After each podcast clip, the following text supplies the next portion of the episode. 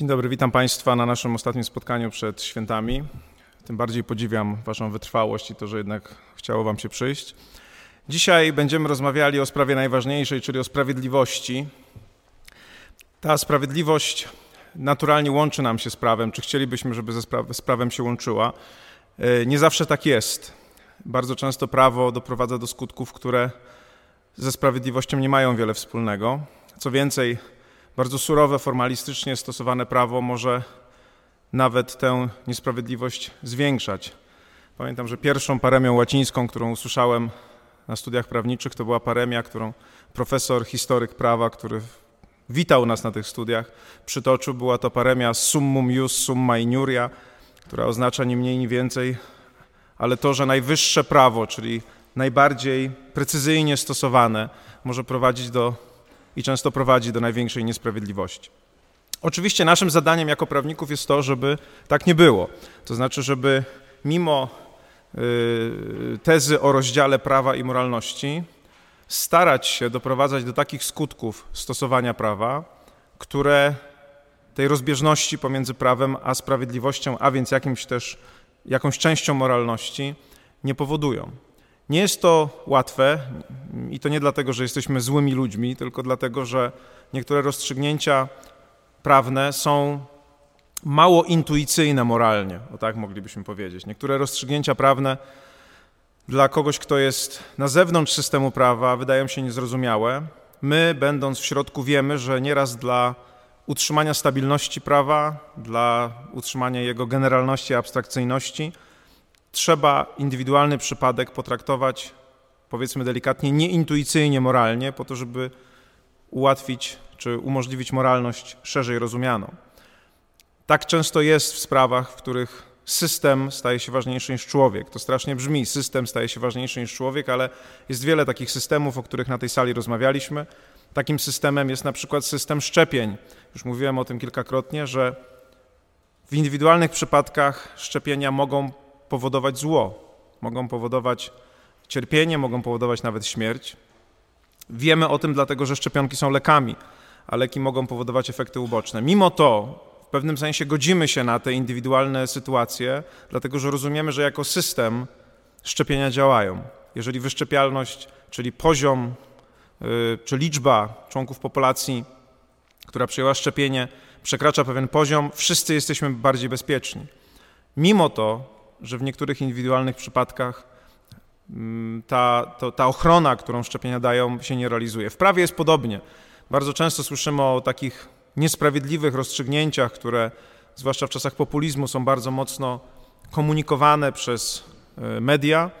Zapominamy o tym, że 99, a może i więcej procent przypadków, które rozstrzyga prawo, to są przypadki, które takich wątpliwości moralnych nie budzą. Ale te indywidualne sytuacje, błędy albo skutki uboczne, kiedy widzimy sytuację, gdzie prawo po prostu nie dało rady, albo, albo stosowane w sposób zgodny z paremią, paremią summum ius summa iniuria, spowodowała, spowodowało indywidualne, indywidualne zło po to, żeby ratować systemowe dobro, Taka, ta, takie sytuacje umykają naszej, naszej uwadze, skupiamy się bardziej na cierpieniu, skupiamy się bardziej na emocjach złych niż na tym, co jest dobre. Media skupiają się bardziej na tym, co jest złe, niż na tym, co jest dobre. Dlatego dzisiaj porozmawiamy o sprawiedliwości i porozmawiamy o jej jednym z najważniejszych teoretyków, czyli o, o amerykańskim filozofie, który nazywał się John Rawls, który bardzo często jest przez prawników czytany, przywoływany, dlatego właśnie, że stworzył teorię sprawiedliwości, która dla nas jest interesująca. Jednocześnie, jak wszystkie tematy, które są tematami kursowymi, powiedzmy, z filozofii prawa, czy to Hart, czy to Dworkin, czy to Foucault, będziemy starali się także i Rawlsa przedstawić w tej ramie teoretycznej, w której ten wykład zdecydowałem się w tym roku prowadzić, a więc w tym oto zakresie, e, czy w tym oto spojrzeniu, jak przyjęcie pewnej teorii, w tym przypadku teorii sprawiedliwości, wdrożenie jej w życie zwiększa naszą adaptację do otoczenia, zwiększa naszą adaptację do rzeczywistości. Przypominam właśnie na podstawie, na, na, na, początku każdego z tych wykładów tę myśl, idee, które przychodzą nam do głowy, zgodnie z teorią ewolucji aplikowaną do zjawisk kultury, są mutacjami, są rozwiązaniami, są pewnego rodzaju cechami, które się pojawiają w naszym życiu i albo zwiększają nasze szanse przeżycia, albo zmniejszają nasze szanse przeżycia. Idea sprawiedliwości jest dokładnie taką samą ideą. Idea prawa, idea systemu prawa, idea mm, moralności także to są wytwory naszych umysłów, a nasze umysły są wytworem ewolucji. Wszystko wskazuje na to, że to, co nasze umysły wytwarzają, czyli właśnie idee, koncepcje, pomysły dotyczące tego, jak ma być ułożone życie społeczne, może być dobre albo złe w tym rozumieniu, nie, nie, niekoniecznie w rozumieniu moralnym, ale w rozumieniu takim funkcjonalnym, przydatne albo nieprzydatne. Pewne ustroje są lepsze, pewne ustroje są gorsze, jeżeli chodzi o organizację życia społecznego, więc można też powiedzieć, że pewne idee czy teorie sprawiedliwości są lepsze, inne są gorsze. Akurat ta, którą przedstawił Rawls, wydaje się dobra. Wydaje się dobra, bo jest bardzo spójna, została przez wielu zaakceptowana i dzisiaj będę chciał Wam ją przedstawić, dlatego że prawnicy powinni myśleć o sprawiedliwości, mimo tego wszystkiego, co powiedziałem na początku. Ale teoria sprawiedliwości Rawlsa nadaje się jeszcze do jednego bardzo ważnego zagadnienia, o którym ja staram się zawsze w czasie wykładów e, z filozofii prawa mówić, mianowicie do tego, żeby pokazać, czym się różni myślenie prawnicze od myślenia nieprawniczego. Albo w innym ujęciu, dlaczego nieprawnicy często nienawidzą prawników dlaczego nie mogą zrozumieć, w jaki sposób my myślimy, w jaki sposób postrzegamy rzeczywistość. I wydaje mi się, że bardzo ważne jest, żebyście wiedzieli, na czym ta podstawowa różnica polega. Y, także o tym wspominałem, ale dzisiaj w przypadku Rawlsa i y, filozofa, na którego Rawls bardzo często się powołuje, czyli w przypadku Kanta, ta różnica w myśleniu prawniczym i nieprawniczym się uwypukla. Myślenie prawnicze jest systemowe, myśli skutkami systemowymi, myśli, cało, myśli całościowo właśnie o tym, w jaki sposób prawo ma wspomagać społeczeństwo w rozwoju i jak, w jaki sposób ma prowadzić społeczeństwo do dobrobytu. Ludzie, którzy nie są prawnikami, mają większe tendencje do tego, żeby myśleć indywidualnie, żeby myśleć przypadkami, żeby rozstrzygać czy żeby stosować pewne intuicje moralne nie na abstrakcyjnym poziomie, ale na bardzo konkretnym poziomie konkretnego człowieka. To jest y, cecha naszych czasów. Wspominałem już Wam też o takim eseju, który napisał Jacek Dukaj po piśmie, gdzie Dukaj analizując antropologicznie funkcjonowanie współczesnego człowieka pokazuje, że y, wszystko, co nas otacza, w szczególności technologie, zmuszają nas do tego, żeby myśleć w, w kategoriach indywidualnych emocji. Kiedy ludzie czytali więcej, kiedy ich podstawowym sposobem kontaktu z rzeczywistością było czytanie wielkich powieści XIX-wiecznych czy wielkich powieści e, początku XX wieku, kiedy nie było technologii, które tak bardzo ułatwiają bezpośrednie postrzeganie rzeczywistości. Dukaj mówi, że takimi technologiami jest fotografia, takimi, taką technologią jest film, e, który nie musi być zapośredniczony przez słowo. My widzimy, a wraz ze wzrostem jakości tej technologii widzimy właściwie tak, jakbyśmy widzieli na żywo pewne sytuacje, które oczywiście są nagrane, są nam dostarczane poprzez media społecznościowe.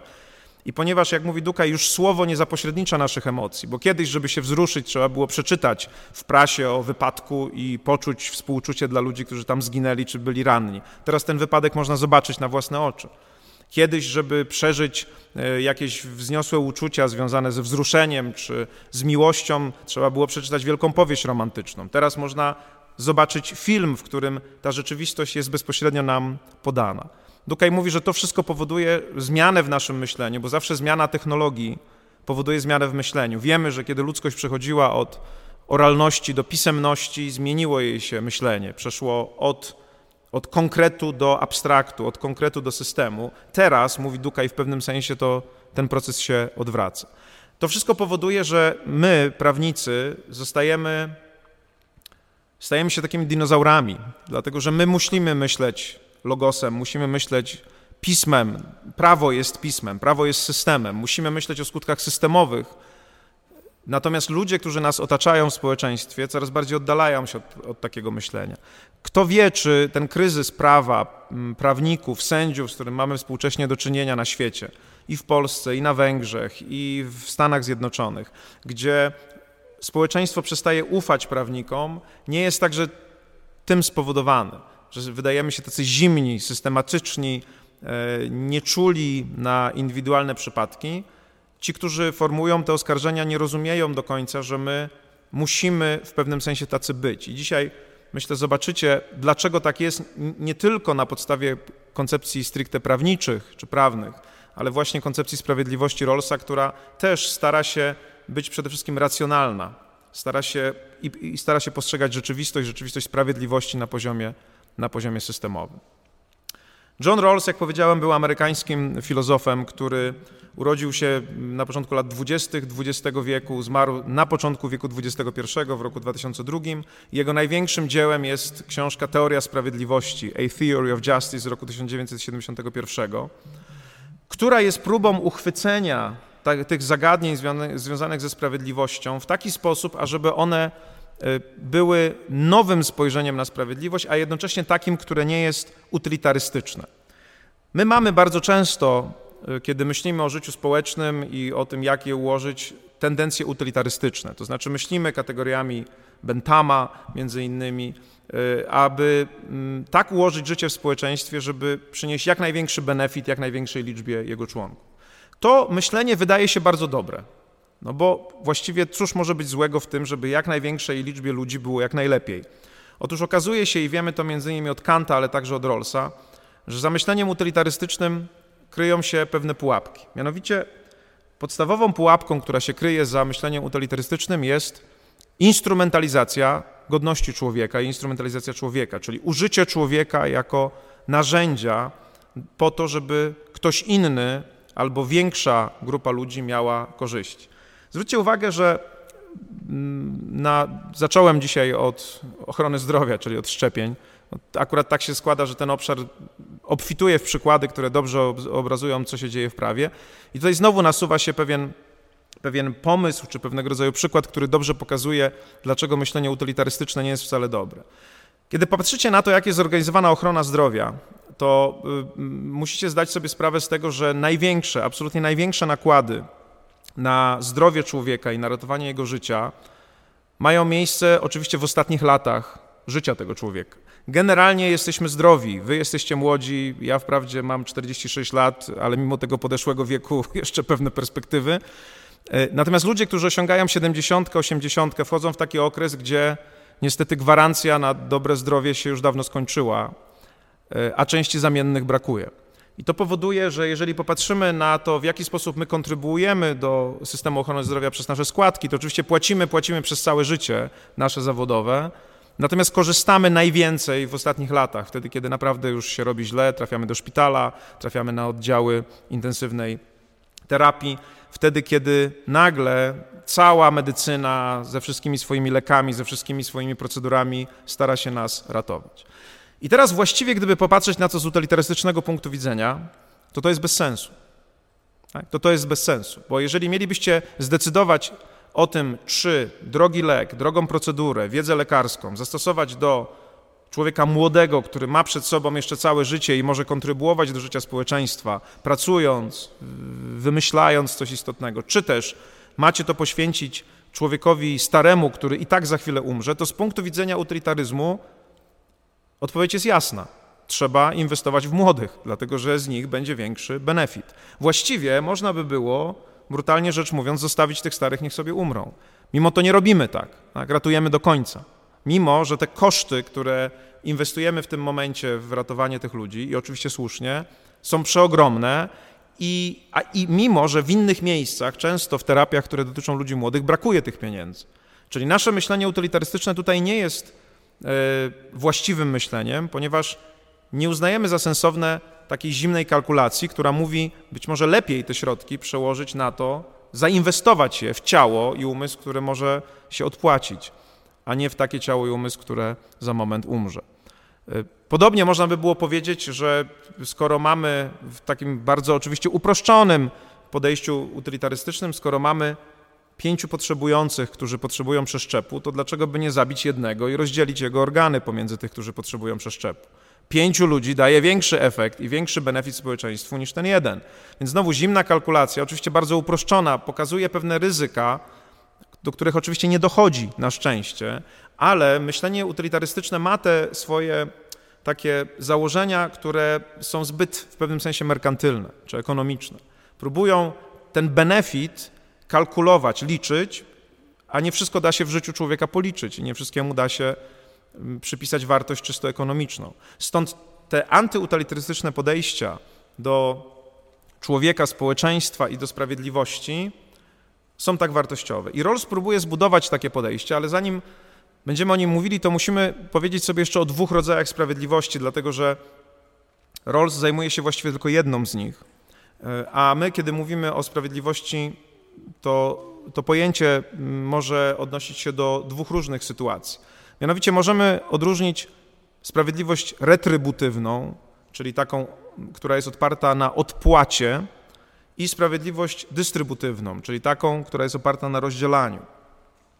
Ta retrybutywna pojawia się wtedy, kiedy słyszymy o jakimś starszym, strasznym morderstwie i słyszymy także, że człowiek, który był podejrzany o jego popełnienie, zostaje uniewinniony albo skazany na niską karę.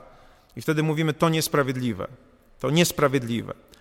Dlaczego niesprawiedliwe? Bo uważamy, że zło, które się stało, wymaga większej odpłaty, wymaga surowszej odpłaty.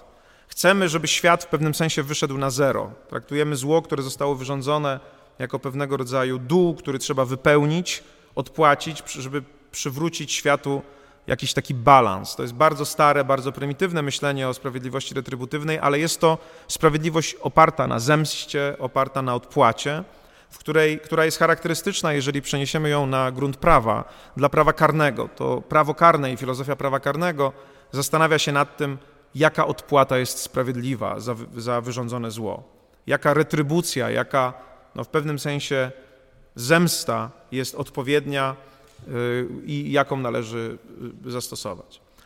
Rawls nie zajmuje się mm, wizją sprawiedliwości retrybutywnej. Zajmuje się tą drugą sprawiedliwością, którą nazywamy dystrybutywną, która zadaje pytanie, w jaki sposób rozdzielać dobra w społeczeństwie.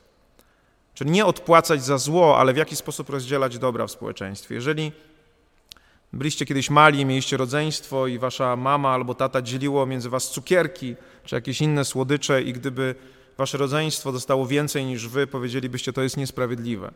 I to niesprawiedliwe tutaj znaczy coś innego niż to niesprawiedliwe wcześniej w przypadku wyroku. Nie chodzi wam o to, że ktoś mm, wyrządził komuś jakieś zło i za mało mu się odpłaciliśmy jako społeczeństwo, ale o to, że rozdział dóbr, w tym przypadku słodyczy, był oparty na jakimś takim kryterium, które nie jest przez Was akceptowalne.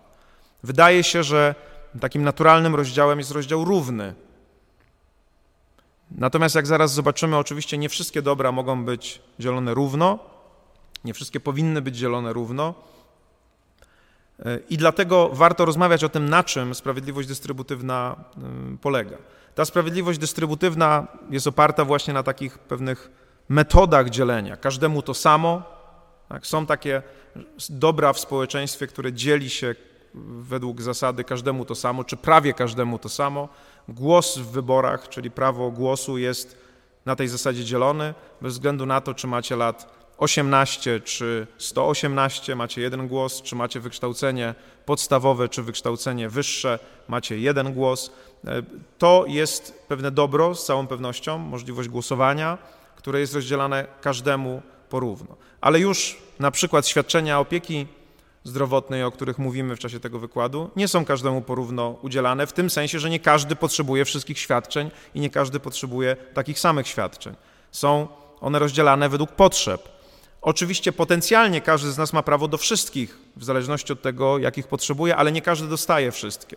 Więc potencjał bycia obdarowanym takim dobrem jest oczywiście rozdzielony równo, ale już obdarowanie takim dobrem, jeżeli to można nazwać obdarowaniem, na przykład świadczeniem, które otrzymujemy w szpitalu, to świadczenie jest uzależnione od tego, jakie mamy potrzeby. Krótko mówiąc, nikt nam nie będzie robił przeszczepu serca, jeżeli mamy zapalenie wyrostka, prawda? To jest oczywiste, że dostajemy to, czego potrzebujemy, a jeżeli nie potrzebujemy, no to nie dostajemy. Niektórzy nie mogą tego zrozumieć. Ostatnio na Twitterze rozpoczęła się właśnie taka dyskusja dotycząca tego, młody człowiek, chyba 34-letni, miał wielki problem z tym, że płaci, płaci składki, a nie korzysta prawda, y, składki zdrowotne. No tak to już jest z ubezpieczeniami, że musi wspólnota kontrybuować, ażeby niektórzy mogli y, odnosić z tego jakąś korzyść wtedy, kiedy potrzebują, ale na tym polega zasada solidarności społecznej, że jedziemy na jednym wózku, jesteśmy członkami jednej społeczności i tak się umówiliśmy. Zresztą ten element kontraktu czy element umowy społecznej, jak zaraz zobaczycie, jest bardzo istotny w tym, o czym mówi Rawls. Więc sprawiedliwość dystrybuywna zajmuje się rozdzielaniem. Rozdzielaniem, jak powiedzieliśmy, dóbr, które mogą mieć różny charakter. Mogą mieć charakter dóbr materialnych, można rozdzielać pieniądze, można rozdzielać ziemię, można rozdzielać, kiedyś rozdzielano y, niewolników, y, rozdzielano i rozdziela się bydło, rozdziela się możliwość korzystania ze wspólnych zasobów, na przykład dokonywania połowów we wspólnym jeziorze czy wspólnym akwenie. Można z całą pewnością dzielić dobra materialne i dzielenie dóbr materialnych zawsze wywołuje wielkie emocje w społeczeństwie i dlatego potrzebny jest jakiś pomysł, jak to zrobić.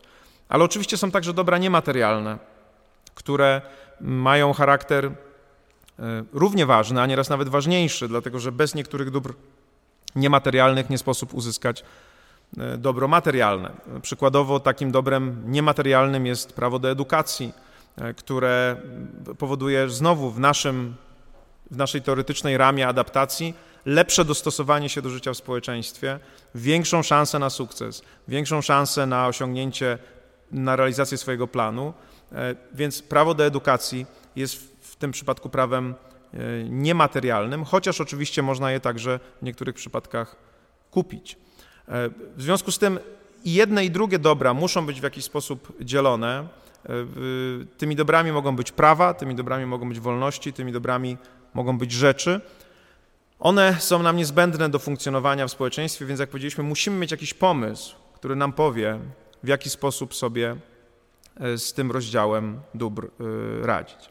I tutaj pojawia właśnie się teoria sprawiedliwości e, Johna Rawlsa, która w sposób oczywisty, wszyscy badacze Rawlsa to mówią, czerpie z Kanta. I pozwólcie, że zanim przejdziemy do Rawlsa i pokażemy w nim te elementy myślenia systemowego, które, jak powiedziałem, są dla prawników bardzo ważne, Spojrzymy na Kanta i spojrzymy na, y, przypomnijmy sobie jego imperatyw kategoryczny, który ma bardzo duże znaczenie dla tego, żeby zrozumieć to, o czym Rawls mówił. Jeżeli ktoś z Was sobie przypomina wcześniejsze wykłady, ja już wspominałem o imperatywie kategorycznym, ale zasadą dobrej edukacji jest to, że od czasu do czasu w różnych kontekstach te same rzeczy się powtarza albo naświetla z innych stron. Wszystko wskazuje na to, że wtedy macie większą szansę na to, żeby je lepiej zrozumieć. Imperatyw kategoryczny nazywa się tak, dlatego że po pierwsze jest imperatywem, czyli jest pewnego rodzaju nakazem, jest pewnego rodzaju żądaniem, które jest skierowane do człowieka, a jest kategoryczny dlatego, że nie jest hipotetyczny, czyli jest w pewnym sensie bezwzględny. E, to żądanie moralne, można powiedzieć, które formułuje Kant, ten, ten imperatyw kategoryczny, łatwiej zrozumieć wtedy, kiedy porówna się go z imperatywem hipotetycznym, o którym Kant także pisze. Imperatyw hipotetyczny jest w tym sensie, jest też nakazem, ale jest hipotetyczny, ponieważ zależy od pewnego rodzaju wyboru, którego wcześniej dokonamy, albo od wyboru celu na przykład, którego dokonamy.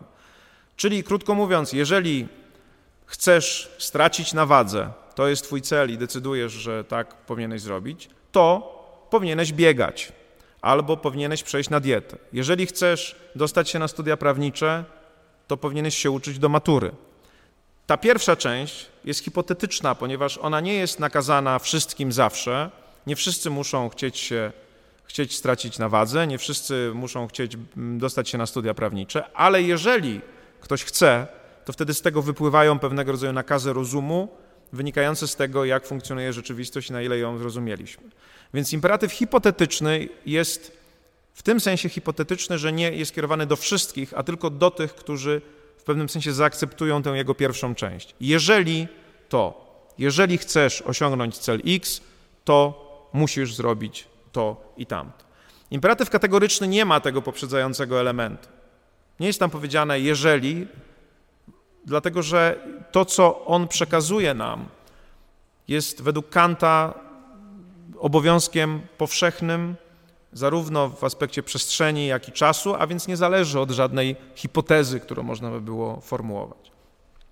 Kant sformułował y, ten imperatyw kategoryczny ki na kilka sposobów. Trzy albo cztery, nawet można powiedzieć. Nas interesują dwa. jeden, który, o który, na którym teraz się nie będziemy bardzo skupiać, ale on bardzo dobrze oddaje ten antyutylitarystyczny charakter myślenia kantowskiego, który jest widoczny także w myśleniu rolsowskim. Mianowicie to, to, to antyutylitarystyczne sformułowanie imperatywu kategorycznego mniej więcej brzmi w taki sposób: używaj człowieka, czy traktuj człowieka zawsze jako cel, a nigdy jako narzędzie. W tym traktuj człowieka innego i tego, który jest w sobie, w tobie. Traktuj człowieczeństwo innego i to człowieczeństwo, które jest w tobie zawsze jako cel, a nigdy wyłącznie jako środek, czy wyłącznie jako narzędzie. To jest pewnym sensie ten imperatyw formuje to ryzyko, które w myśleniu utylitarystycznym jest widoczne. Możemy mieć tendencję do tego, ażeby w taki sposób myśleć. Zwróćcie uwagę, że takie myślenie często w takich eksperymentach myślowych się pojawia, e, w tak zwanym eksperymencie z wagonikiem, prawda? Po jednej stronie leży jeden człowiek przywiązany do torów, po drugiej pięć osób i wy musicie zdecydować, w jaki sposób, w którą stronę ten wagonik ma pojechać. Ta decyzja jest decyzją tragiczną, oczywiście, no ale zmusza was się tutaj w pewnym sensie do myślenia utylitarystycznego. Czy lepiej jest poświęcić jedno życie, ażeby uratować pięć, prawda? To są bardzo trudne y, e, eksperymenty do, do rozstrzygnięcia. W, w czasach, kiedy zaczęły się rozwijać bardzo mocno autonomiczne samochody, mm, takie też testy, czy takie pytania były często formułowane. Tak? Czy wolisz zabić psa czy dziecko, prawda? Straszne, straszne pytania, które Y, których żaden człowiek nigdy nie powinien oczywiście rozstrzygać. Natomiast tam, gdzie jest, jest w nich zaszyte takie myślenie utylitarystyczne, które, które Kant, a później także Rawls chce zwalczać. Y, lepiej jest myśleć, mówi Kant, o moralności w kategoriach bezwzględnych i to drugie sformułowanie imperatywu kategorycznego, które nas tutaj bardziej interesuje, jest właśnie po pierwsze tym antyutylitarystycznym myśleniem o moralności, po drugie będzie nam potrzebne, żeby zrozumieć Rawlsa, po trzecie, pokazuje, w jaki sposób myślą prawnicy. To sformułowanie imperatywu kategorycznego brzmi: działaj zawsze tylko według takiej maksymy, co do której jednocześnie byś chciał, ażeby stała się prawem powszechnie obowiązującym. Działaj zawsze tylko według takiej maksymy, co do której jednocześnie byś chciał, ażeby stała się prawem powszechnie obowiązującym. Co tutaj się dzieje w tym, w tym, w tym imperatywie? Po pierwsze, pierwsza część. Działaj tylko według takiej maksymy. Kant mówi, że maksyma jest subiektywną zasadą postępowania, a więc taką, którą sami sobie formułujemy, którą sami na siebie narzucamy. Nie wiemy jeszcze, czy ona jest dobra, czy jest zła. Po prostu często, zwłaszcza w młodym wieku, podejmujemy pewne decyzje, jacy będziemy, jak się będziemy zachowywać, i później, w zależności od tego, jakie to skutki przynosi, nieraz to modyfikujemy, ale możemy sobie na przykład postanowić, będę wrogi wobec ludzi, albo będę przyjazny wobec ludzi. E, mogę, mogę wymyślić sobie dowolną tak naprawdę maksymę swojego własnego postępowania, bardziej ogólną albo bardziej konkretną, na przykład taką, że gdy spotkam człowieka w potrzebie, zawsze mu pomogę. Albo gdy spotkam człowieka w potrzebie, nigdy mu nie pomogę.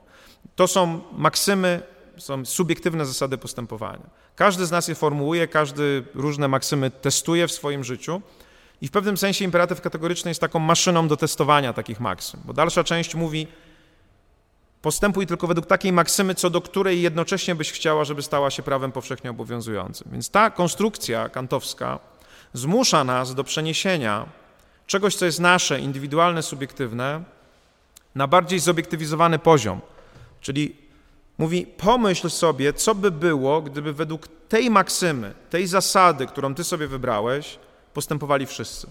Gdyby ona była nakazem, gdyby ona była regułą, którą mają realizować absolutnie wszyscy. Tu widać ten kluczowy, także później dla zrozumienia Rollsa, przeskok pomiędzy sytuacją indywidualną, sytuacją subiektywną, w której ja oceniam, co jest dobre dla mnie.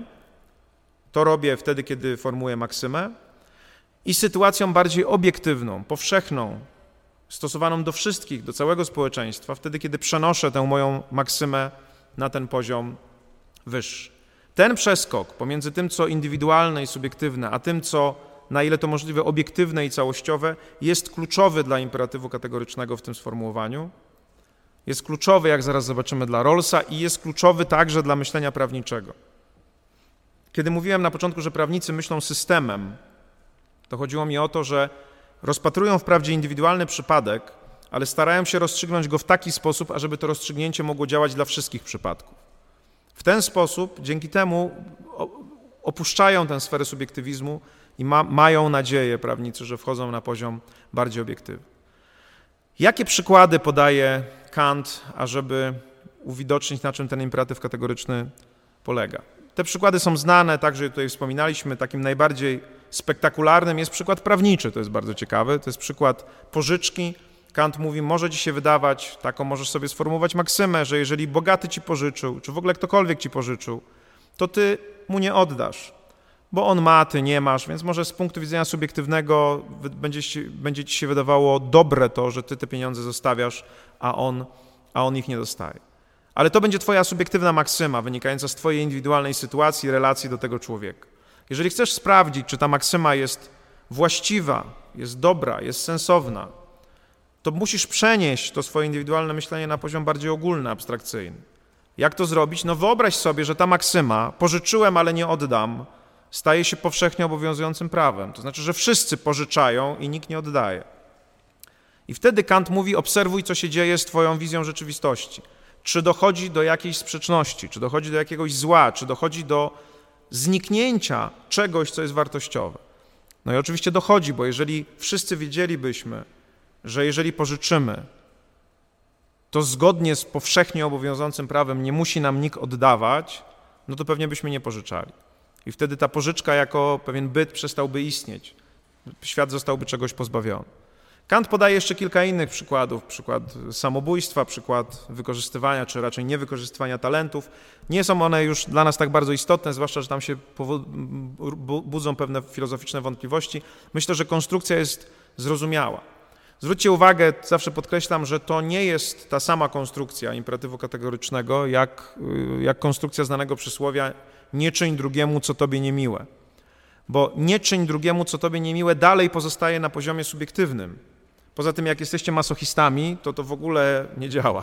Dlatego, że wtedy, jeżeli sprawiacie komuś ból, a samym wam ten ból sprawia przyjemność, no to w ogóle wszystko bierze w łeb i cała konstrukcja nie działa. To między innymi pokazuje, dlaczego przysłowie nie czyń drugiemu, co tobie niemiłe, jest zbyt subiektywne, żeby pełnić tę samą rolę, co imperatyw kategoryczny. Kluczowe, jak mówię, w imperatywie jest przejście z poziomu indywidualnego na całościowy i zobaczenie, co się dzieje na tym poziomie całościowym. Dlaczego Kant zmusza nas do tego przejścia? Dlatego, że wtedy uruchamia się w nas, w naszej głowie racjonalność, która nie ma tak wielu uprzedzeń wynikających z naszych indywidualnego bycia w świecie. Tak? To znaczy, my wtedy trochę jak gdyby opuszczamy nasz, nasz indywidualny umysł, który ma mnóstwo naleciałości, różnych stereotypów, poglądów, indywidualnych preferencji i zmuszamy nasz umysł do myślenia w kategoriach powszechnych, a więc takich, które muszą w sposób naturalny wziąć pod uwagę perspektywę innych ludzi. Czyli ćwiczenie, do którego zmusza nas Kant, uczy nas perspektywy ogólnej, całościowej, a nie perspektywy indywidualnej. To jest ćwiczenie intelektualne, które powoduje, wymusza na nas zmianę perspektywy i wtedy jesteśmy w stanie bardziej racjonalnie ocenić to, do czego to wszystko prowadzi. Dlaczego powiedziałem, że to jest myślenie, które y, sprowadza się, które jest obecne w myśleniu prawniczym?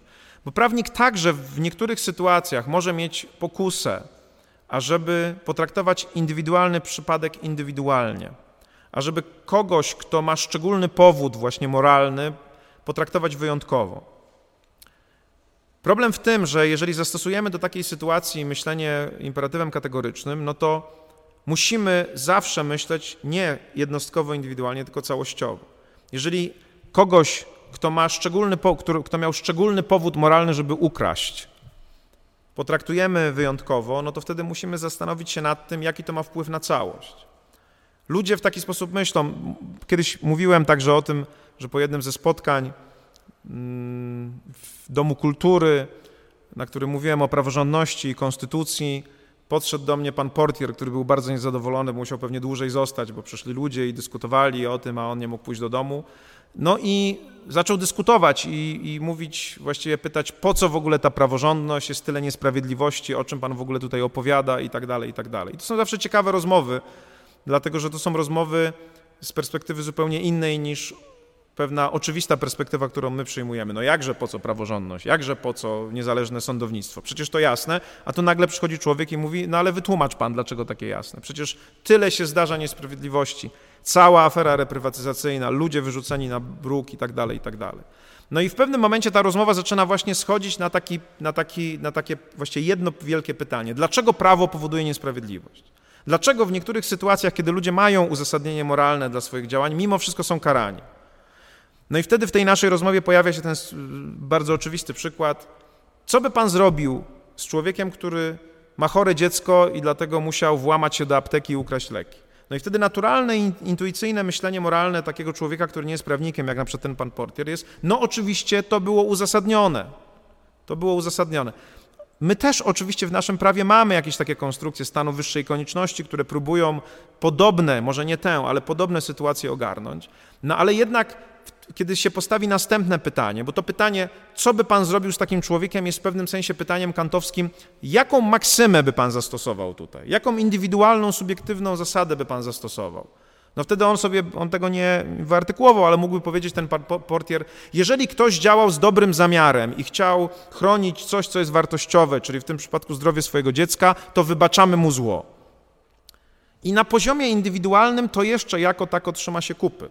Tak? Jesteśmy empatyczni, rozumiemy tę sytuację, zwłaszcza ktoś, kto jest rodzicem, wie, że dałby się pokroić dla swojego dziecka, więc rozumie, jakie były motywacje. No ale właśnie tu wchodzi smutny prawnik, czy wchodzi smutny Immanuel Kant i mówi: Pomyśl, co by było, gdybyś tę maksymę zamienił na powszechnie obowiązujące prawo. Gdyby wszyscy, którzy mają dobry moralnie powód, mogli się włamywać i rabować.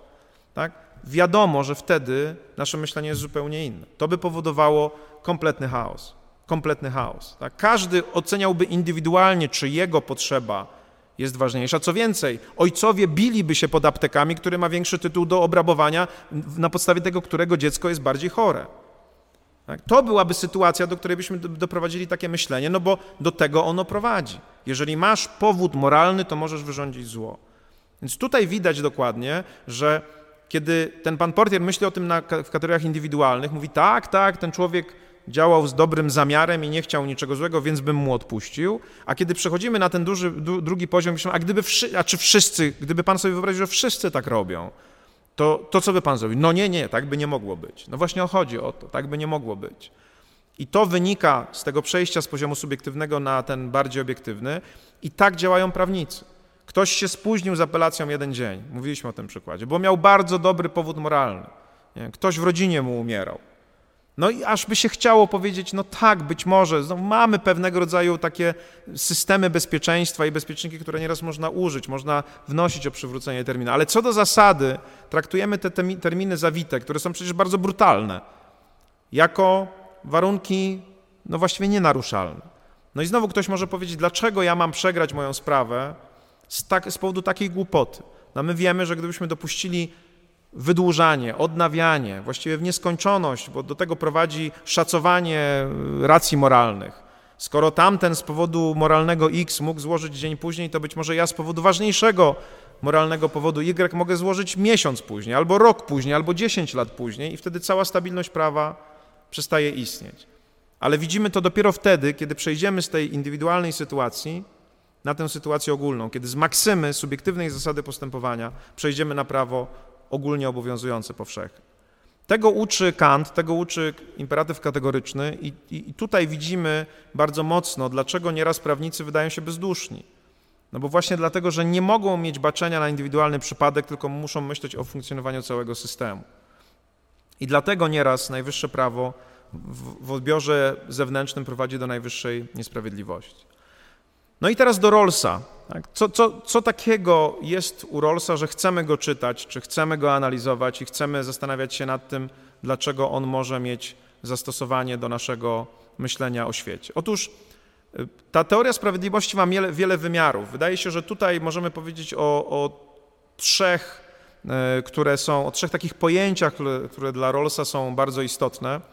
Y, powiedzmy najpierw o dwóch pojęciach, które jeszcze bezpośrednio z samym sercem teorii sprawiedliwości e, nie mają tak dużo wspólnego, chociaż oczywiście się łączą, ale są ważne, ażeby, ażeby zrozumieć, co Rawls, dlaczego Rawls jest czytany i dlaczego jest taki, taki ważny.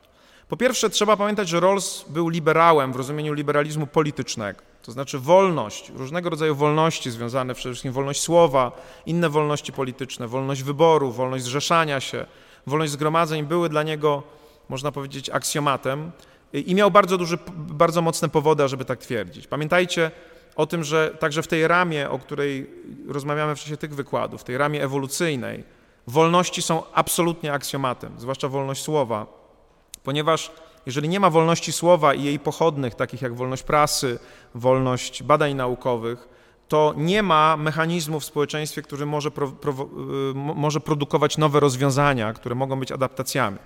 Nie ma mechanizmu, który może powodować, produkować nowe idee, nowe koncepcje, nowe teorie, a jak sobie powiedzieliśmy, one nie są po prostu koncepcjami, teoriami czy ideami, one są adaptacjami, one są pomysłami, jak radzić sobie ze światem.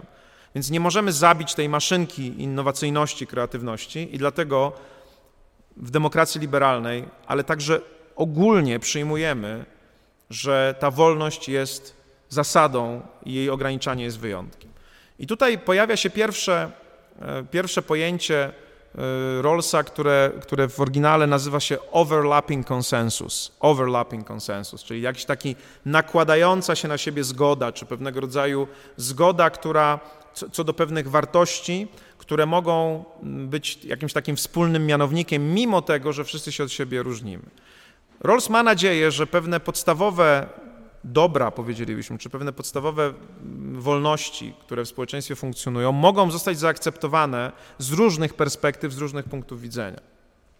W opracowaniach dotyczących Rawlsa i tego zagadnienia overlapping consensus pokazuje się, że na, na przykład cytat z dokumentów posoborowych Kościoła katolickiego, który w sposób oczywisty nie jest tożsamy z, z liberalizmem e, politycznym, w którym pokazuje się szacunek, którym pokazuje się szacunek dla wolności słowa albo dla wolności wyznania także, co jak wiemy przez wieki wcale nie było takie oczywiste z perspektywy Kościoła, zwłaszcza Kościoła katolickiego, ale także innych, że wolność wyznania jest czymś, co człowiekowi przysługuje. Wprost przeciwnie, przysługiwała człowiekowi niewola wyznania, a jeżeli chciał się z niej uwolnić, no to wtedy mógł trafić na stos.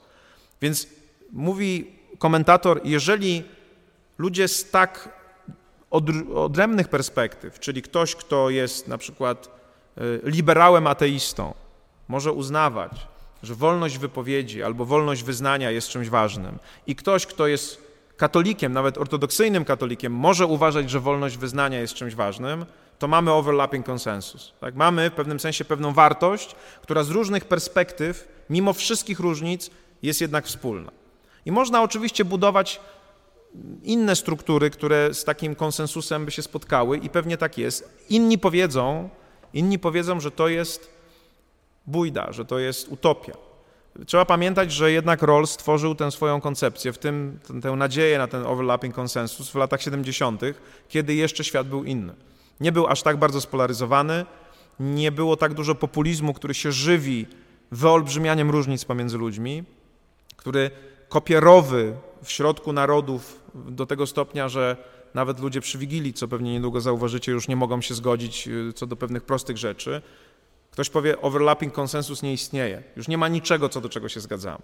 Wydaje się, że to jest przesada, może nieraz w, takim, w takiej wojującej retoryce różnych stron, lewej, prawej, środkowej, bocznej. Wydaje się, że nic już ludzi nie, nie, nie, nie łączy, ale Rawls wyraża, wyraża taką nadzieję, że są te takie podstawowe rzeczy, które dla nas są istotne. One się objawiają wtedy, kiedy schodzimy z poziomu wielkiej polityki i zaczynamy rozmawiać o rodzinie. Tak? Dla każdego, na przykład wydaje się prawie dla każdego rodzina jest ważna, dobro dziecka jest ważne, bez względu na to, czy masz poglądy prawicowe czy lewicowe. Tutaj zgadzamy się co do tego, że te, te rzeczy trzeba chronić. Ta nadzieja Rollsa wydaje się nie jest do końca utopijna, chociaż jest on nieraz krytykowany za to, że w tego typu, w tego typu koncepcje wierzy. Drugie pojęcie, które u Rollsa się pojawia, które też będzie potrzebne jako takie pojęcie otaczające koncepcję sprawiedliwości, to jest pojęcie reflective equilibrium, czyli jakiegoś takiego refleksyjnego ekwilibrium. Ekwilibrium jest pewnego rodzaju równowagą, która może w, tym, w przypadku tego pojęcia nastąpić nie w środowisku, ale raczej w, w naszych poglądach. Rawls uważa, że jesteśmy w stanie, kiedy wyjdziemy od tych powiedzmy takich podstawowych założeń, że na przykład wolność jest aksjomatem, e, wolność słowa jest ważna, rozpatrywać relacje tego twierdzenia do innych twierdzeń, które mogły być elementem naszego myślenia o świecie. Czyli na przykład, jeżeli uznamy, że wolność jest ważna, e, albo uznamy, że równość jest ważna, no to na tej podstawie możemy rozpatrzyć twierdzenie, czy niewolnictwo jest złe. Prawda? No bo jeżeli stwierdzimy, że wolność jest ważna, to nie da się w naszym systemie pojęciowym pogodzić tego z, z twierdzeniem, że niewolnictwo jest dobre. No więc to twierdzenie pierwsze w pewnym sensie zmusza nas do weryfikacji tego, tego twierdzenia drugiego. Jeżeli stwierdzimy, że niewolnictwo jest złe, no i w jakimś punkcie czasowym, w którym były Stany Zjednoczone, powiemy, ale może segregacja rasowa jest dobra, to po jakimś czasie, kiedy zobaczymy, jak, w jakich relacjach te pojęcia ze sobą się pojawiają, to znowu dokonamy rewizji i powiemy, nie, segregacja rasowa też jest zła. Rawls ma nadzieję na to, że racjonalna jednostka i racjonalne społeczeństwo przez takie rozumowanie będzie w stanie osiągnąć to ekwilibrium w takim oto duchu, że, że osiągnie pewien koherentny, spójny zestaw wartości, zestaw twierdzeń, zestaw przekonań co do tego, jak ma wyglądać życie społeczne. I dzięki temu także, jak to zawsze bywa w przypadku ekwilibrium, zostanie wprowadzona pewna stabilizacja w życie społeczne. I znowu, to jest nadzieja, niektórzy mówią bardzo złudna, bo mamy na przykład zbadane takie zjawisko, które nazywa się zjawiskiem dwumyślenia czy dwójmyślenia. Znamy je z roku 1984 Orwella, ale ono jest zbadane w wielu systemach autorytarnych, gdzie ludziom wcale nie przeszkadza to, że w ich systemie pojęciowym funkcjonują dwa zupełnie sprzeczne ze sobą stanowiska. Mm, znamy taką wypowiedź, która bardzo często pada, bardzo, mm, można powiedzieć, e, nieporządną e, intelektualnie. Nie jestem rasistą, ale. Tak? Tutaj po tym ale najczęściej pojawia się sformułowanie, które zupełnie nie pasuje do tego wcześniejszego, nie jestem rasistą, tak? z którego absolutnie wynika, że właśnie jesteś człowieku rasistą, prawda? Więc nagle okazuje się, że w jednej głowie, w jednym systemie pojęć mogą funkcjonować dwa twierdzenia czy dwa przekonania, które są ze sobą sprzeczne. Co więcej, populiści bardzo często formułują takie przekonania i dają nam do myślenia y, coś, co jest bardzo trudne do pomyślenia. Ja z dosyć dużym, no nie wiem właściwie jak nazwać to słowo, żeby nie zabrzmieć tutaj politycznie, z zakłopotaniem, tak bym powiedział, z intelektualnym zakłopotaniem przeczytałem ostatnio wpis, który pojawił się na stronie jednej z partii koalicji, która rządzi, że test niezależności sędziego doprowadzi do destabilizacji systemu prawa w Polsce, a destabilizacja systemu prawa w Polsce utrudni inwestycje zagraniczne. Co za spójny zestaw twierdzeń. To jest prawda. Tak? To jest prawda, że destabilizacja systemu prawnego, praworządności utrudnia inwestycje. Tylko pytanie jest takie, co zdestabilizowało ten system? Tak? Czy pierwotny skutek, czy pierwotna przyczyna, czy próba naprawienia tego, tego, te, tej destabilizacji, której oczekuje Unia Europejska w ramach kamieni milowych. Więc wydaje się, że takie cząstkowe spójności nagle się pojawiają w różnych umysłach, natomiast Rawlsowi chodzi o bardziej całościową wizję tej spójności, która na przykład zakłada, że jeżeli uważasz, że wierzysz w podział i równowagę władz, to musisz być przekonany, że ta trzecia władza musi być niezależna, dlatego że ona jest najsłabsza z tych wszystkich. Jak mówi profesor Łętowska, władza ustawodawcza ma trzos, bo ma pieniądze i budżet, władza wykonawcza ma miecz, bo ma wojsko i policję, a władza sądownicza nie ma armii swojej, ani pieniędzy.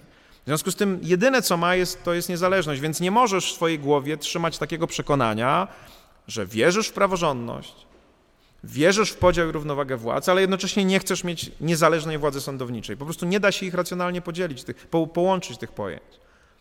To ma na myśli Rawls, kiedy mówi między innymi o tym, że powinniśmy zastanawiać się nad tym, na ile to, co w głowie mamy, to, w co wierzymy, jest spójne, a na ile nie da się ze sobą pogodzić.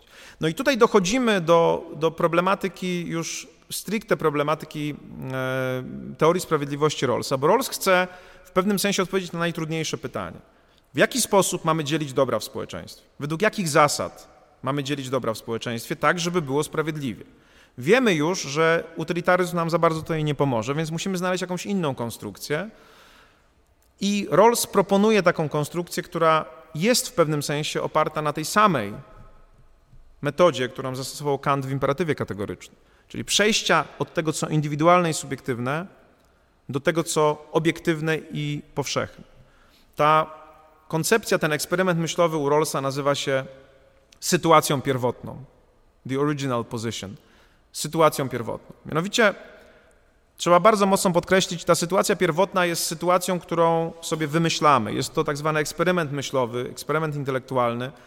W filozofii często używa się takich eksperymentów z różnym skutkiem. Już mówiliśmy o eksperymencie Ziemi Bliźniaczej Patnama. Są tacy filozofowie, którzy uważają, że nie powinno się ich stosować, dlatego że bardzo łatwo jest przemycić tam pewne założenia, które, których się nie kontroluje. Y, dawałem wam przykład, że w eksperymencie myślowym Ziemi, Ziemi bliźniaczej, który uzasadnia myślenie eksternalistyczne, a nie internalistyczne, a więc to, że znaczenia nie mieszkają w naszych głowach, jest pewien błąd, dlatego że tam jest mowa o tym, że oto istnieje Ziemia bliźniacza, która jest w każdym aspekcie taka sama jak, jak y, nasza Ziemia i na tej Ziemi są nasze sobowtóry, które są dokładnie takie same jak my, z jednym wyjątkiem, z jedną różnicą pomiędzy tymi światami. Na Ziemi naszej woda to H2O, a na Ziemi bliźniaczej woda to XYZ. No i wtedy pada pytanie, no dobrze, to w jaki sposób te nasze sobowtóry są takie same jak my, skoro my jesteśmy w tak dużej części złożeni z wody, prawda? To znaczy, że nie są tacy sami jak my i prawdopodobnie nie funkcjonują tak samo jak my. To jest, to jest jeden z błędów, który można pokazać w eksperymencie myślowym. I w eksperymencie myślowym Rollsa o sytuacji pierwotnej są też ukryte pewne nieścisłości, ale ten eksperyment wydaje się, że działa, dlatego że jest właśnie oparty na koncepcji kantowskiej. Na czym polega sytuacja pierwotna i dlaczego jest ona eksperymentem i jak działa? Rawls mówi, jeżeli chcecie ocenić, czy jakieś zasady, które funkcjonują w waszym społeczeństwie dotyczące podziału dóbr są sprawiedliwe, wyobraźcie sobie następujący scenariusz. Wyobraźcie sobie, że to społeczeństwo, w którym funkcjonują te zasady, przenosicie do sytuacji przedspołecznej, czyli do sytuacji, do której, w której dopiero społeczeństwo się zaczyna, ma ustalić zasady, którymi ma się rządzić, czyli do takiej sytuacji hipotetycznej, w której dopiero umowa społeczna ma być napisana. Umowa społeczna, która będzie regulowała to, jak to społeczeństwo ma funkcjonować. Czyli jeżeli chcecie na przykład zbadać, czy sprawiedliwe są zasady dystrybucji dóbr w społeczeństwie polskim w roku 2022, weźcie to społeczeństwo, przenieście je do sytuacji pierwotnej, w której y, jeszcze żadne reguły nie są ustalone i powiedzcie temu społeczeństwu, tutaj są pewne warunki, na których masz ustalić zasady, według których będziesz funkcjonowało, drogie społeczeństwo, i każcie im to zrobić. Tym podstawowym warunkiem, który w tej sytuacji pierwotnej ma być nałożony na to społeczeństwo, jest tak zwana zasłona niewiedzy. niewiedzy. Zasłona niewiedzy to jest drugi element tego eksperymentu myślowego który polega na tym, że to społeczeństwo, członkowie tego społeczeństwa mają nie wiedzieć, kim będą w docelowym społeczeństwie. To znaczy, mają nie mieć wiedzy na temat swoich indywidualnych predyspozycji czy sytuacji. Czyli mają nie wiedzieć, czy będą bogaci, czy biedni, czy będą kobietą, czy będą mężczyzną, czy będą osobą niebinarną. Y, mają nie wiedzieć, czy będą heteroseksualni, czy homoseksualni, czy będą zdrowi, czy chorzy, czy będą młodzi, czy starzy w danym momencie, w którym nagle zostaną wrzuceni do tego społeczeństwa. Ta zasłona niewiedzy jest chyba najbardziej kontrowersyjnym elementem tej, tej konstrukcji, bo ona zabiera wiedzę na temat pewnych sytuacji, pewnych kwestii właśnie indywidualnych, głównie dotyczących statusu, pozycji i tak dalej, ale jednocześnie Rawls mówi, ci ludzie wiedzą, jak funkcjonuje społeczeństwo. To znaczy wiedzą, że nie wiem, żeby żyć trzeba jeść. Tak? Żeby jeść, trzeba albo pracować, albo trzeba mieć pieniądze, za które się kupi to jedzenie. Że żeby ułożyć, żeby funkcjonować w społeczeństwie, trzeba mieć pewne wolności i prawa. Dokładna granica pomiędzy tym, co w tym eksperymencie ludzie wiedzą, a czego nie wiedzą, nie jest znana. Jest jasne, że na pewno nie znają swoich indywidualnych cech statusowych, natomiast mechanizmy i prawa rządzące społeczeństwem generalnie znają. Dlaczego Rawls wymyśla coś tak dziwnego? No, myślę, że już się domyślacie dlaczego, prawda? Odziera nas w tym eksperymencie z naszych indywidualnych, subiektywnych cech, tak samo jak Kant każe nam wejść na ten bardziej obiektywny poziom z tej naszej subiektywnej maksymy, żeby myśleć bardziej obiektywnie. Rawls mówi, jeżeli jesteś facetem i będziesz miał ustanawiać e, reguły dla społeczeństwa i będziesz wiedział, że będziesz facetem w tym społeczeństwie, to niestety masz konflikt interesów, dlatego że może się okazać, że ułożysz to społeczeństwo tak, żeby lepiej było facetom. Jeżeli jesteś biały i, będziesz, i wiesz, że będziesz biały w tym społeczeństwie, w którym masz funkcjonować, to znowu może się zdarzyć niestety tak, że będziesz układał je pod siebie.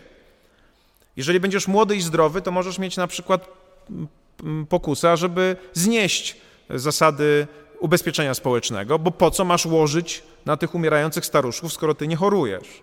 Ale jeżeli nie wiesz, czy czasami nie będziesz stary i chory, to może jednak twoja perspektywa się trochę zmieni i spojrzysz na kwestie składek i świadczeń opieki zdrowotnej z trochę bardziej obiektywnej perspektywy.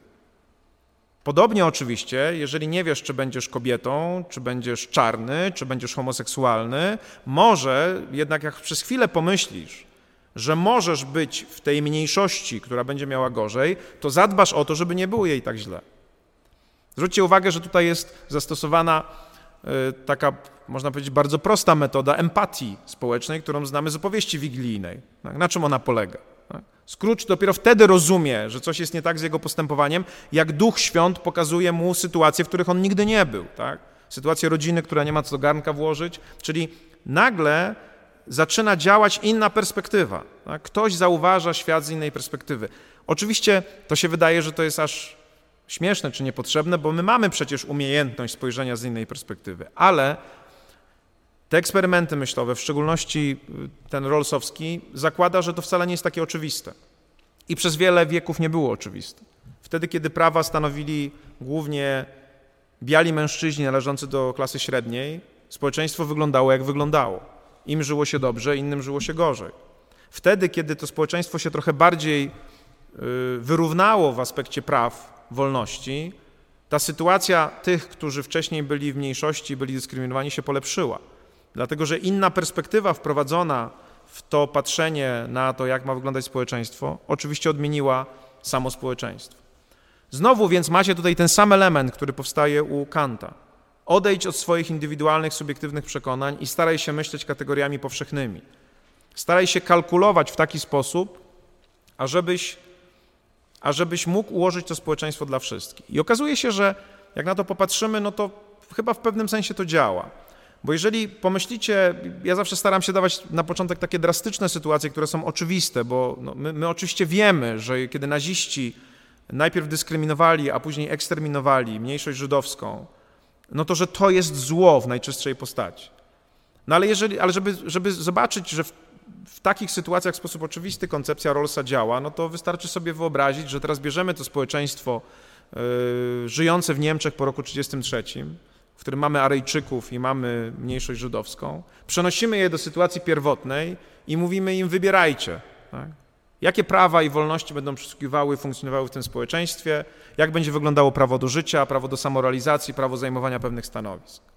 Jeżeli wiesz, że jesteś Aryjczykiem, możesz mieć pokusę, żeby ustanowić to tak, żeby Aryjczykom było dobrze. Ale jeżeli nie wiesz, bo tego nie wiesz w sytuacji niewiedzy, w sytuacji pierwotnej, w zasłonie niewiedzy, czy nie będziesz Żydem w, tej, w, tym, w tym społeczeństwie, no to wtedy dwa razy się zastanowisz, zanim, zanim ustalisz zasadę dyskryminacji, zanim odbierzesz pewne dobra mniejszości żydowskiej, bo być może odbierasz sam sobie.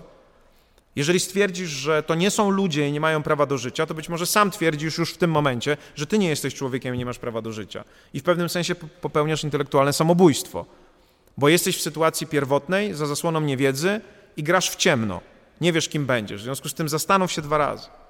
Tak? Kiedy weźmiemy społeczeństwa sprzed ruchu sufrażystek, w których mężczyznom przysługiwało prawo głosu, kobietom nie, no i znowu przeniesiemy je w sytuację pierwotną, no to znowu kalkulacja jest dosyć oczywista.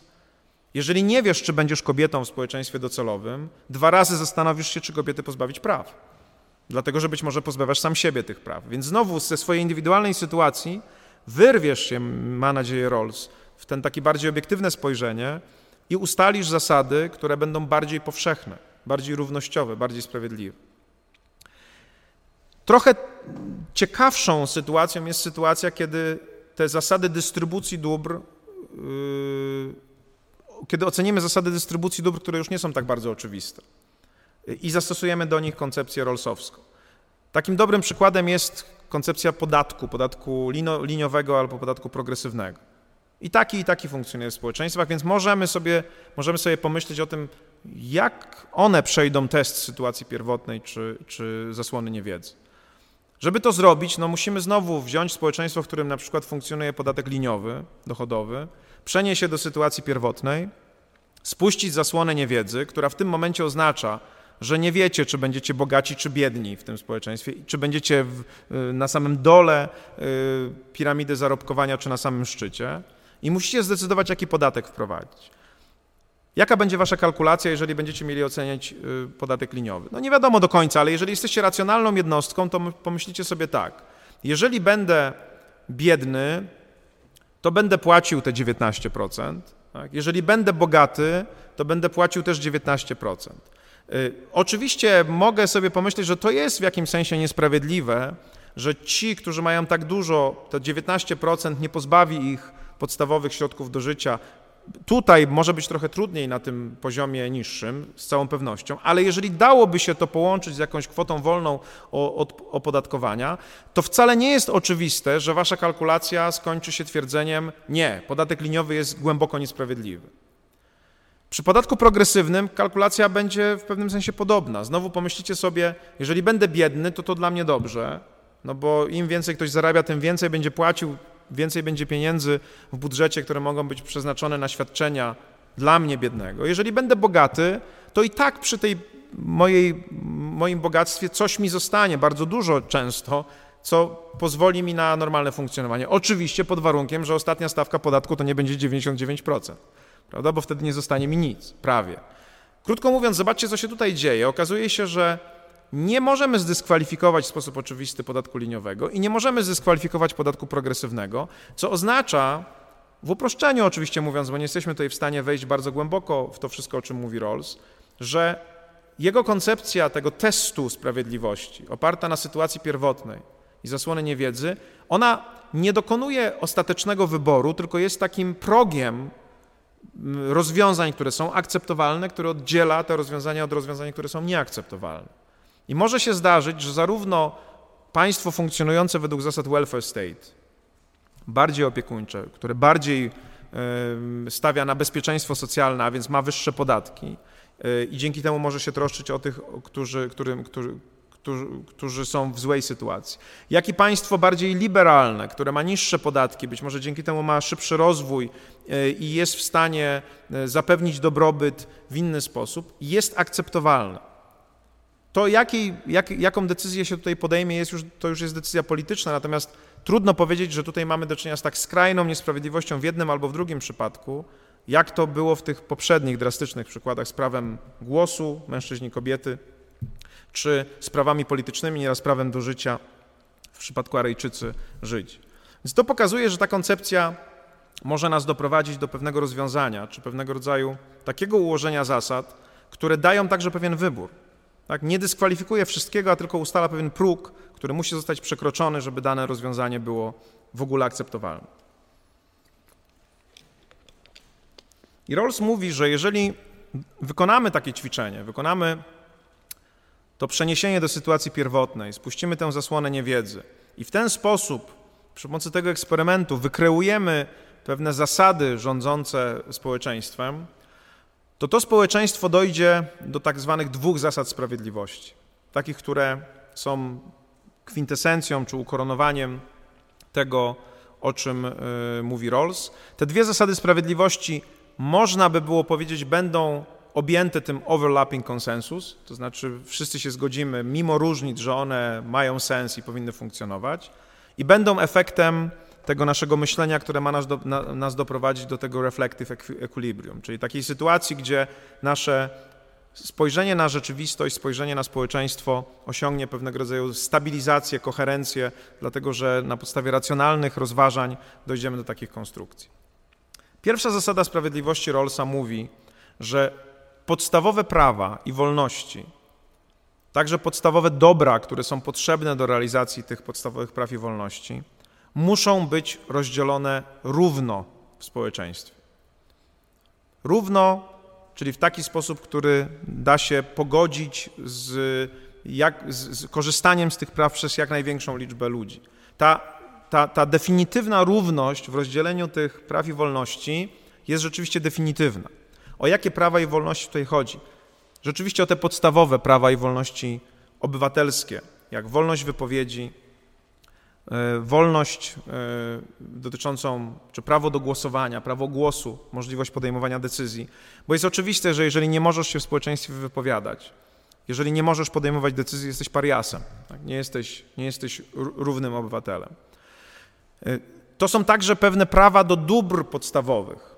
Wydaje się, że jeżeli ktoś na przykład nie umiałby czytać i pisać, to te inne prawa nie mają dla niego w ogóle żadnego sensu, bo w jaki sposób ma do końca rozeznać się w sytuacji politycznej czy społecznej, jak ma podejmować decyzje dotyczące tego, co mówić, o czym mówić, na kogo głosować, jeżeli nie może zbierać informacji. Z tego punktu widzenia można byłoby powiedzieć, że nasze rozdzielanie tych podstawowych praw i wolności rzeczywiście w większości państw, zwłaszcza oczywiście w demokracjach liberalnych, spełnia to kryterium Rawlsa. Jak powiedzieliśmy sobie, prawo głosu jest rozdzielane równo, z pewnymi wyjątkami oczywiście, tam gdzie pozbawiamy ludzi praw publicznych, tam gdzie dzieci nie mogą głosować, ale nawet nad tym się ostatnio zastanawiamy. Jak wiecie, prowadzona jest debata na temat tego, czy nie obniżyć wieku, który uprawnia do głosowania z y, lat 18 na 16 lat. To jest pewna, pewna debata dotycząca tego, że być może tutaj także powinniśmy dać szerszy dostęp e, tym, którzy są młodsi z nas do, do, do, do podejmowania decyzji. Więc prawo głosu wydaje się jest podzielone co do zasady, tak jak mówi Rawls w swojej pierwszej zasadzie.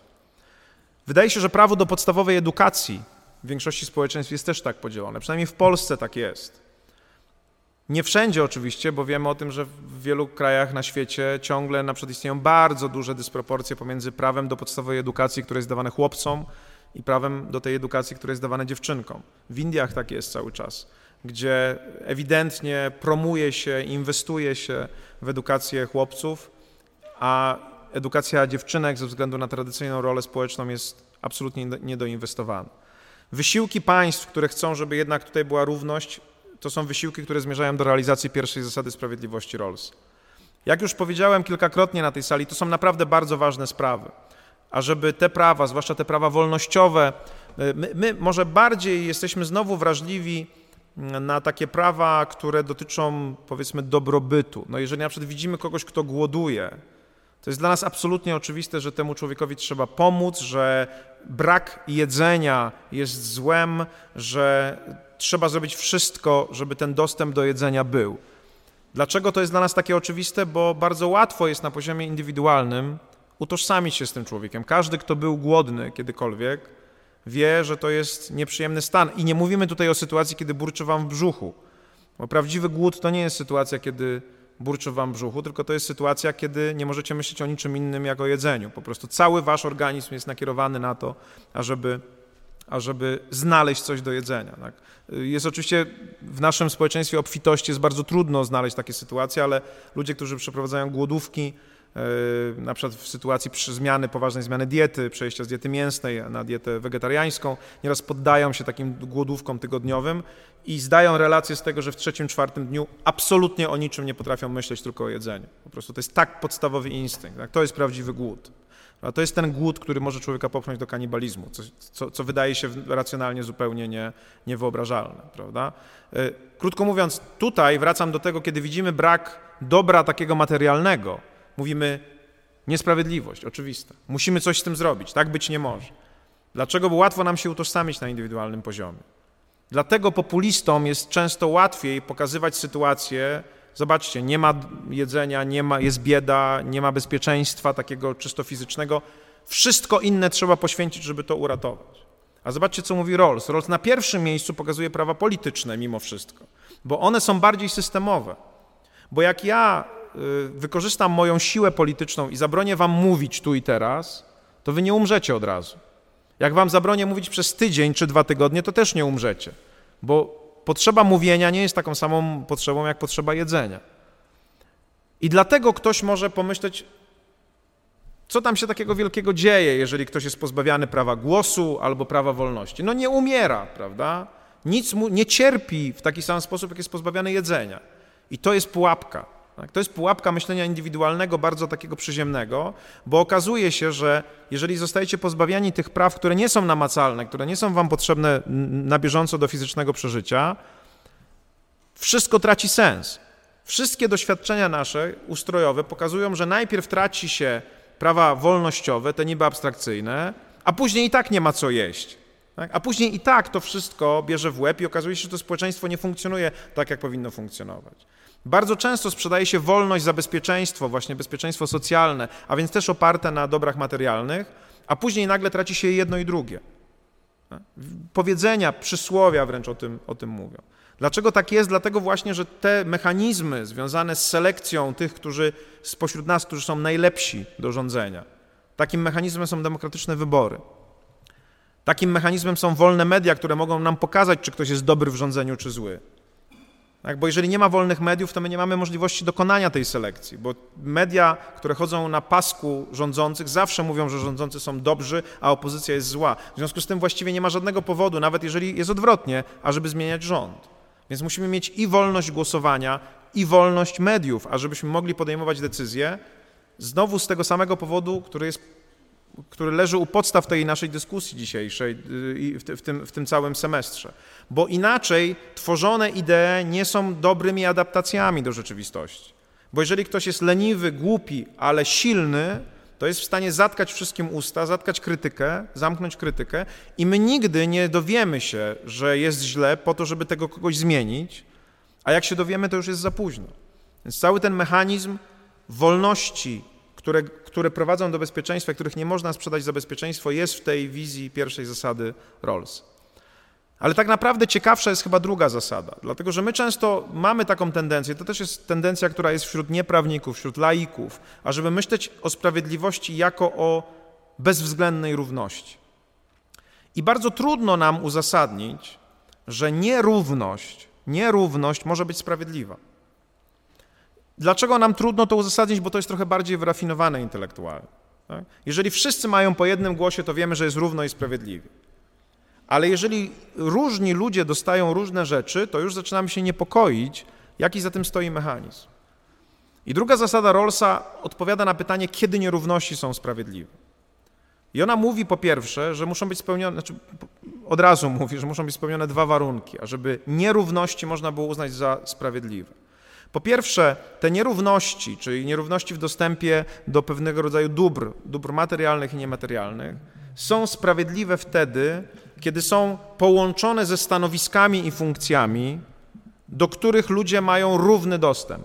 Tak? Czyli nie ma granic, które powodują, że jeżeli urodziłeś się w kaście X, to nigdy nie zostaniesz ministrem. Albo jeżeli urodziłeś się w, w rodzinie, która jest wyznania Y, to nigdy nie zostaniesz prezydentem. Albo nigdy nie zostaniesz profesorem, albo nigdy nie zostaniesz nauczycielem czy adwokatem. Czyli nierówności są ok, można powiedzieć sprawiedliwościowo, o ile jest równy start po to, żeby je dostać. Tak? Zwróćcie uwagę, że to jest oczywiście trochę ryzykowne. Są współcześnie ludzie, którzy uważają, że równość i sprawiedliwość jest wtedy nie wtedy, kiedy mamy równość szans, ale wtedy, kiedy mamy równość efektów. Tak? Druga zasada, pierwsza część drugiej zasady Rawlsa mówi, nie równość efektów, ale równość szans jest ważna na tym etapie. Taka sytuacja ma miejsce wtedy, kiedy jesteśmy w stanie, bez względu na to, czy urodziliśmy się w rodzinie biednej czy bogatej, czy na wsi, czy w dużym mieście, pójść po swoje. Nie ma jakichś instytucjonalnych barier, które nam to uniemożliwiają. Na przykład nie ma zakazów, tak jak mówię, żeby ktoś określonej krwi, rasy, narodowości, płci nie mógł zajmować jakiegoś stanowiska. Większość społeczeństw liberalnych nie zawiera formalnie takich granic czy takich obostrzeń. Nieraz mówi się o szklanych sufitach, które są nieformalnymi takimi ograniczeniami. Wydaje się jednak, że w wielu społeczeństwach udaje się je przekroczyć.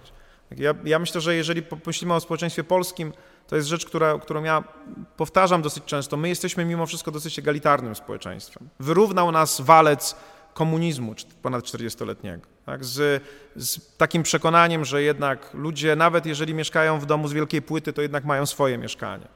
To jest ważne. Tak? W wielu krajach y, ludzie przez całe życie muszą wynajmować, nie mają w ogóle nigdy szansy na to, i to w krajach wysoko rozwiniętych, takich jak Wielka Brytania na przykład, żeby mieć swój kawałek podłogi, taki swój naprawdę. Y, przekonanie, że szkolnictwo ma być dostępne, sieć szkół, taki sam program, biblioteki, teraz dostęp do internetu, świadczenia, stypendia, które są w pewnym sensie normalne u nas, nieodpłatna edukacja wyższa, z której korzystacie. To są wszystko rzeczy, które w wielu krajach nie są dostępne. W Stanach Zjednoczonych na przykład. Opieka zdrowotna bezpłatna, szeroki system ubezpieczeń, który nikogo nie dziwi i nie jest traktowany jako wymysł komunistów, tak jak to nieraz się słyszy e, w Stanach Zjednoczonych. To są wszystko warunki, które powodują, że prawdopodobnie u nas ta pierwsza część zasady, drugiej zasady Rawlsa jest zrealizowana. Są nierówności, na przykład nie wszyscy są prawnikami, nie wszyscy są adwokatami, nie wszyscy są lekarzami, nie wszyscy są ministrami, nie wszyscy zarabiają tyle samo, ale prawdopodobnie można powiedzieć, że nie ma systemowych barier, które to uniemożliwiają w sposób taki rzeczywiście uniemożliwiający. Druga zasada, druga część drugiej zasady Rawlsa mówi, dodaję jeszcze jeden element. Te nierówności mogą istnieć i mogą być sprawiedliwe, o ile w ogólnym rozrachunku korzystają z tego wszyscy, a w szczególności ci, którzy są w najgorszej sytuacji. To jest bardzo złożona konstrukcja i musimy ją trochę rozebrać na czynniki pierwsze. Co ona oznacza? Ona oznacza ponownie potwierdzenie, że nie musi być absolutnie równo, żeby było sprawiedliwie, że nierówności są dopuszczalne i mogą być sprawiedliwe, jeżeli wyścig po te nierówności zaczyna się z tej samej pozycji i nie ma barier, które uniemożliwiają, pierwszy element tej drugiej zasady, a ten drugi mówi jednocześnie w zakresie efektów, teraz już mówimy o efektach wprowadzenia tej nierówności, ze względu na te nierówności wszystkim jest lepiej, a w szczególności tym, którzy są w najgorszej pozycji. I tutaj oczywiście są różne możliwości interpretacji tej drugiej zasady. Ja zawsze ją próbuję interpretować w odniesieniu do tego, co jest wam najbliższe. No wy korzystacie, jak powiedziałem, z tej nierówności, ja też z niej korzystam. To znaczy nie wszyscy wasi koledzy, z którymi chodziliście do szkoły średniej, zdali maturę, nie wszyscy z nich są na studiach prawniczych. Wy jesteście z jakiegoś powodu. Wierzymy, że jesteście tutaj nie dzięki pieniądzom waszych rodziców, nie dzięki temu, że mieliście znajomości i plecy, tylko dlatego, że jesteście najlepsi. To znaczy, że system edukacji was wyselekcjonował do tego, ażebyście najpierw dostali się do dobrych szkół średnich, żebyście w tych szkołach średnich zdobyli odpowiednią wiedzę, później zdali maturę z takim wynikiem, który was wyselekcjonował z grupy innych i dał wam to dobro, które tamtym ludziom jest niedostępne, czyli darmową edukację wyższą na kierunku prawo, Wydziału Prawa i Administracji Uniwersytetu Warszawskiego. Nie wszyscy będą, nie wszyscy są studentami i nie wszyscy będą prawnikami. Być może nie wszyscy z Was też, czego nie życzę oczywiście, ale tak się też może zdarzyć. Dlatego, że ktoś może się okazać słabszy niż się wydawał, może nie zdać jednak tych egzaminów, które są też, wierzymy w to głęboko, pewną miarą Waszej doskonałości. Niedoskonałą, bo niedoskonałą, ale jakąś miarą są.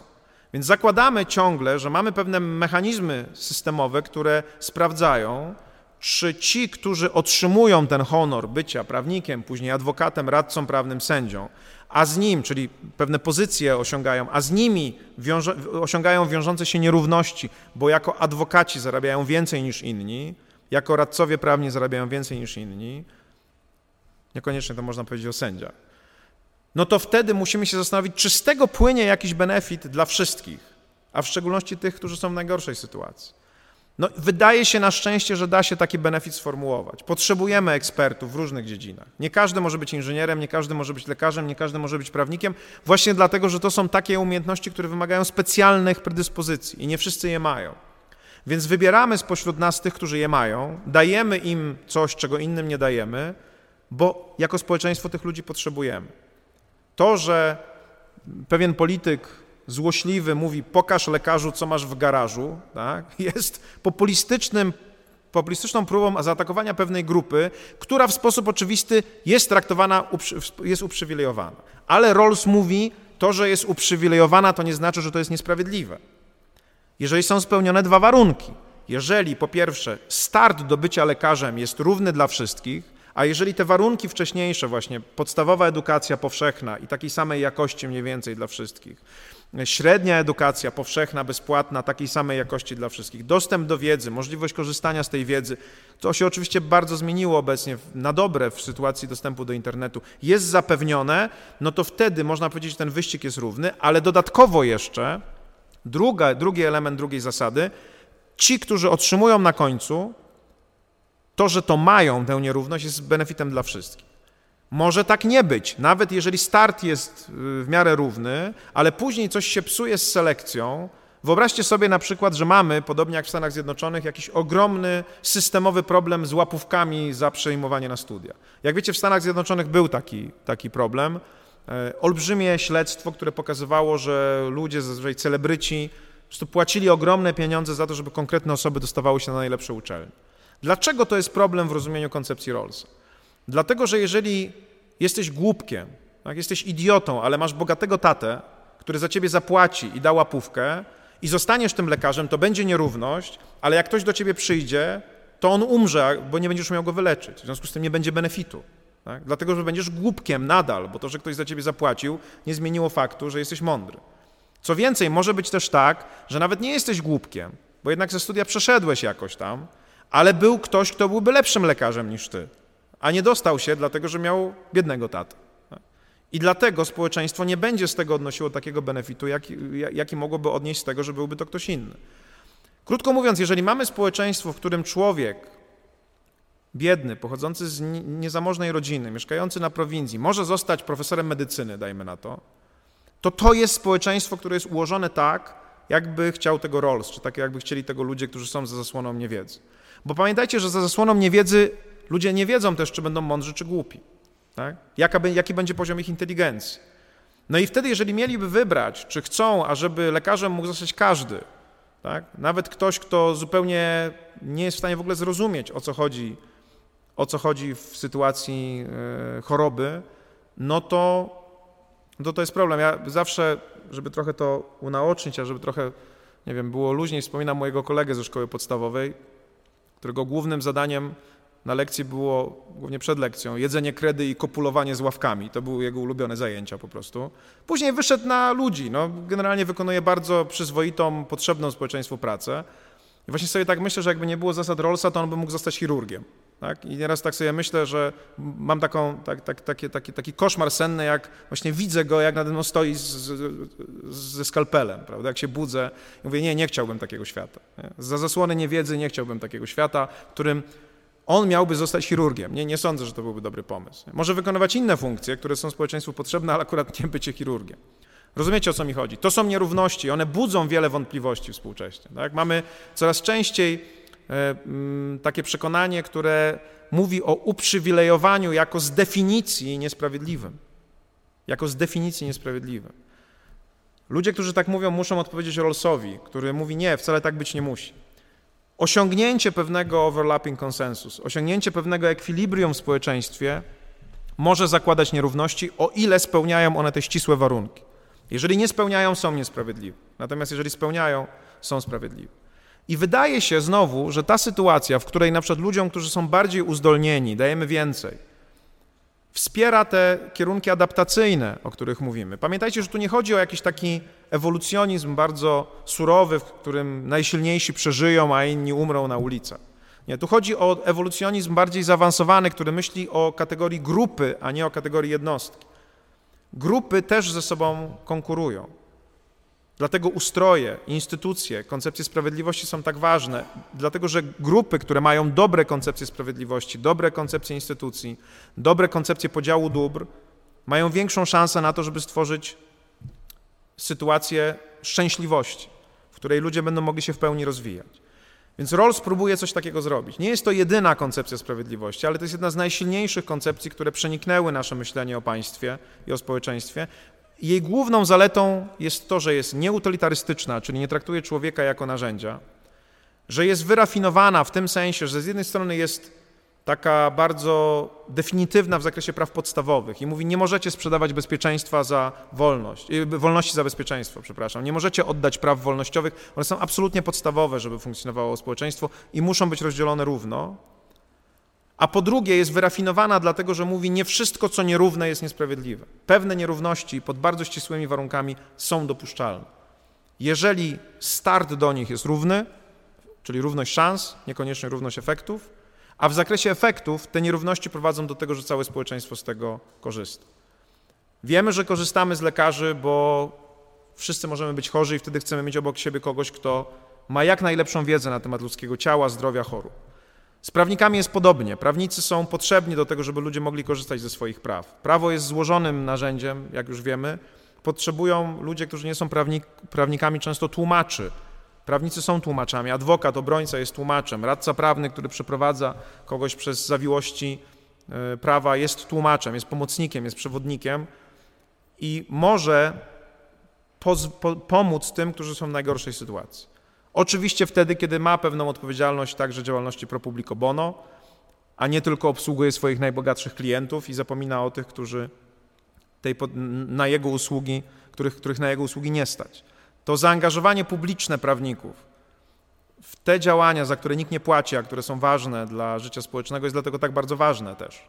Ponieważ to jest między innymi ta przestrzeń, w której możemy spełnić drugą część drugiej zasady sprawiedliwości Rollsa, czyli z tego, że dano nam pewne uprzywilejowanie, że zdobyliśmy sobie to uprzywilejowanie, płynie benefit dla wszystkich, w tym tych, którzy są w najgorszej sytuacji. Chorych, biednych, zdezorientowanych, tych, którzy nie są w stanie korzystać z dobrobytu gospodarki liberalnej, bo są w niej zagubieni. To jest też nasza rola i to jest też wasza rola, o której nigdy nie możecie zapomnieć.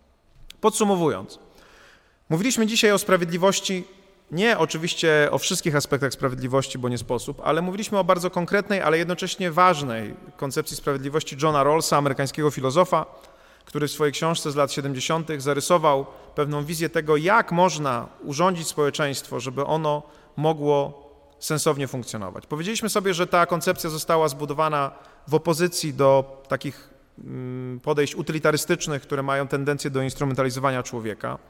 W, była sformułowana w kontynuacji myśli kantowskiej, która i, i, w kontynuacji imperatywu kategorycznego, a więc takiego konstruktu, który zmusza nas do wyjścia ze skóry własnej, z indywidualnych uprzedzeń, z indywidualnych przekonań i spojrzenia na rzeczywistość bardziej obiektywnie, całościowo, tak, żeby móc rozstrzygać sprawiedliwie dla wszystkich, a nie tylko dla siebie. I jest oparta na dwóch pojęciach, czyli na sytuacji pierwotnej i zasłony niewiedzy, które właśnie realizują tę potrzebę nie myślenia kategoriami indywidualnymi, mm, subiektywnymi, tylko w miarę obiektywnymi.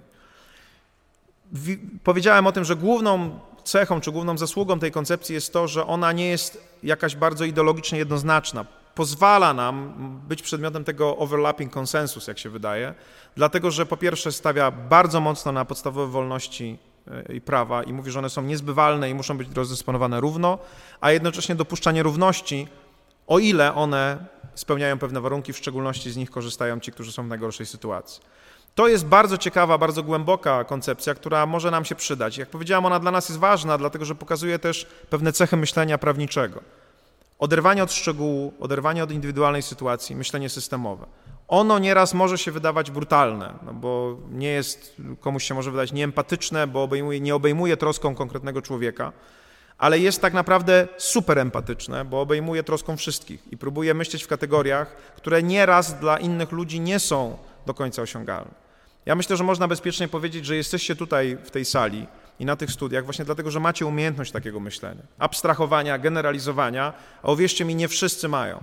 I jak uczy nas Dukaj, coraz więcej ludzi nie ma, dlatego że coraz więcej ludzi patrzy indywidualną sytuacją, indywidualnym cierpieniem i między innymi dlatego tak, wie, tak bardzo popularny jest populizm, który takimi argumentami gra, bardzo tanimi argumentami i często w imię tej indywidualnej empatii niszczy ten system, który ostatecznie tę empatię także zapewnia.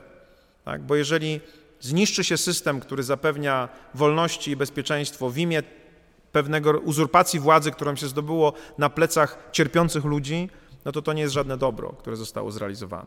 Dlatego ta koncepcja, o której mówi Rawls, jest warta zainteresowania. Mam nadzieję, że zostanie w waszych głowach, a w szczególności to przykazanie, że nie dostaliście tego, co dostajecie za darmo. Tak? Że spoczywa na was obowiązek udowadniania, że to uprzywilejowanie jest po coś, w szczególności, że jest po to, żeby pomagać tym, którzy są w najgorszej sytuacji. Czy są jakieś pytania?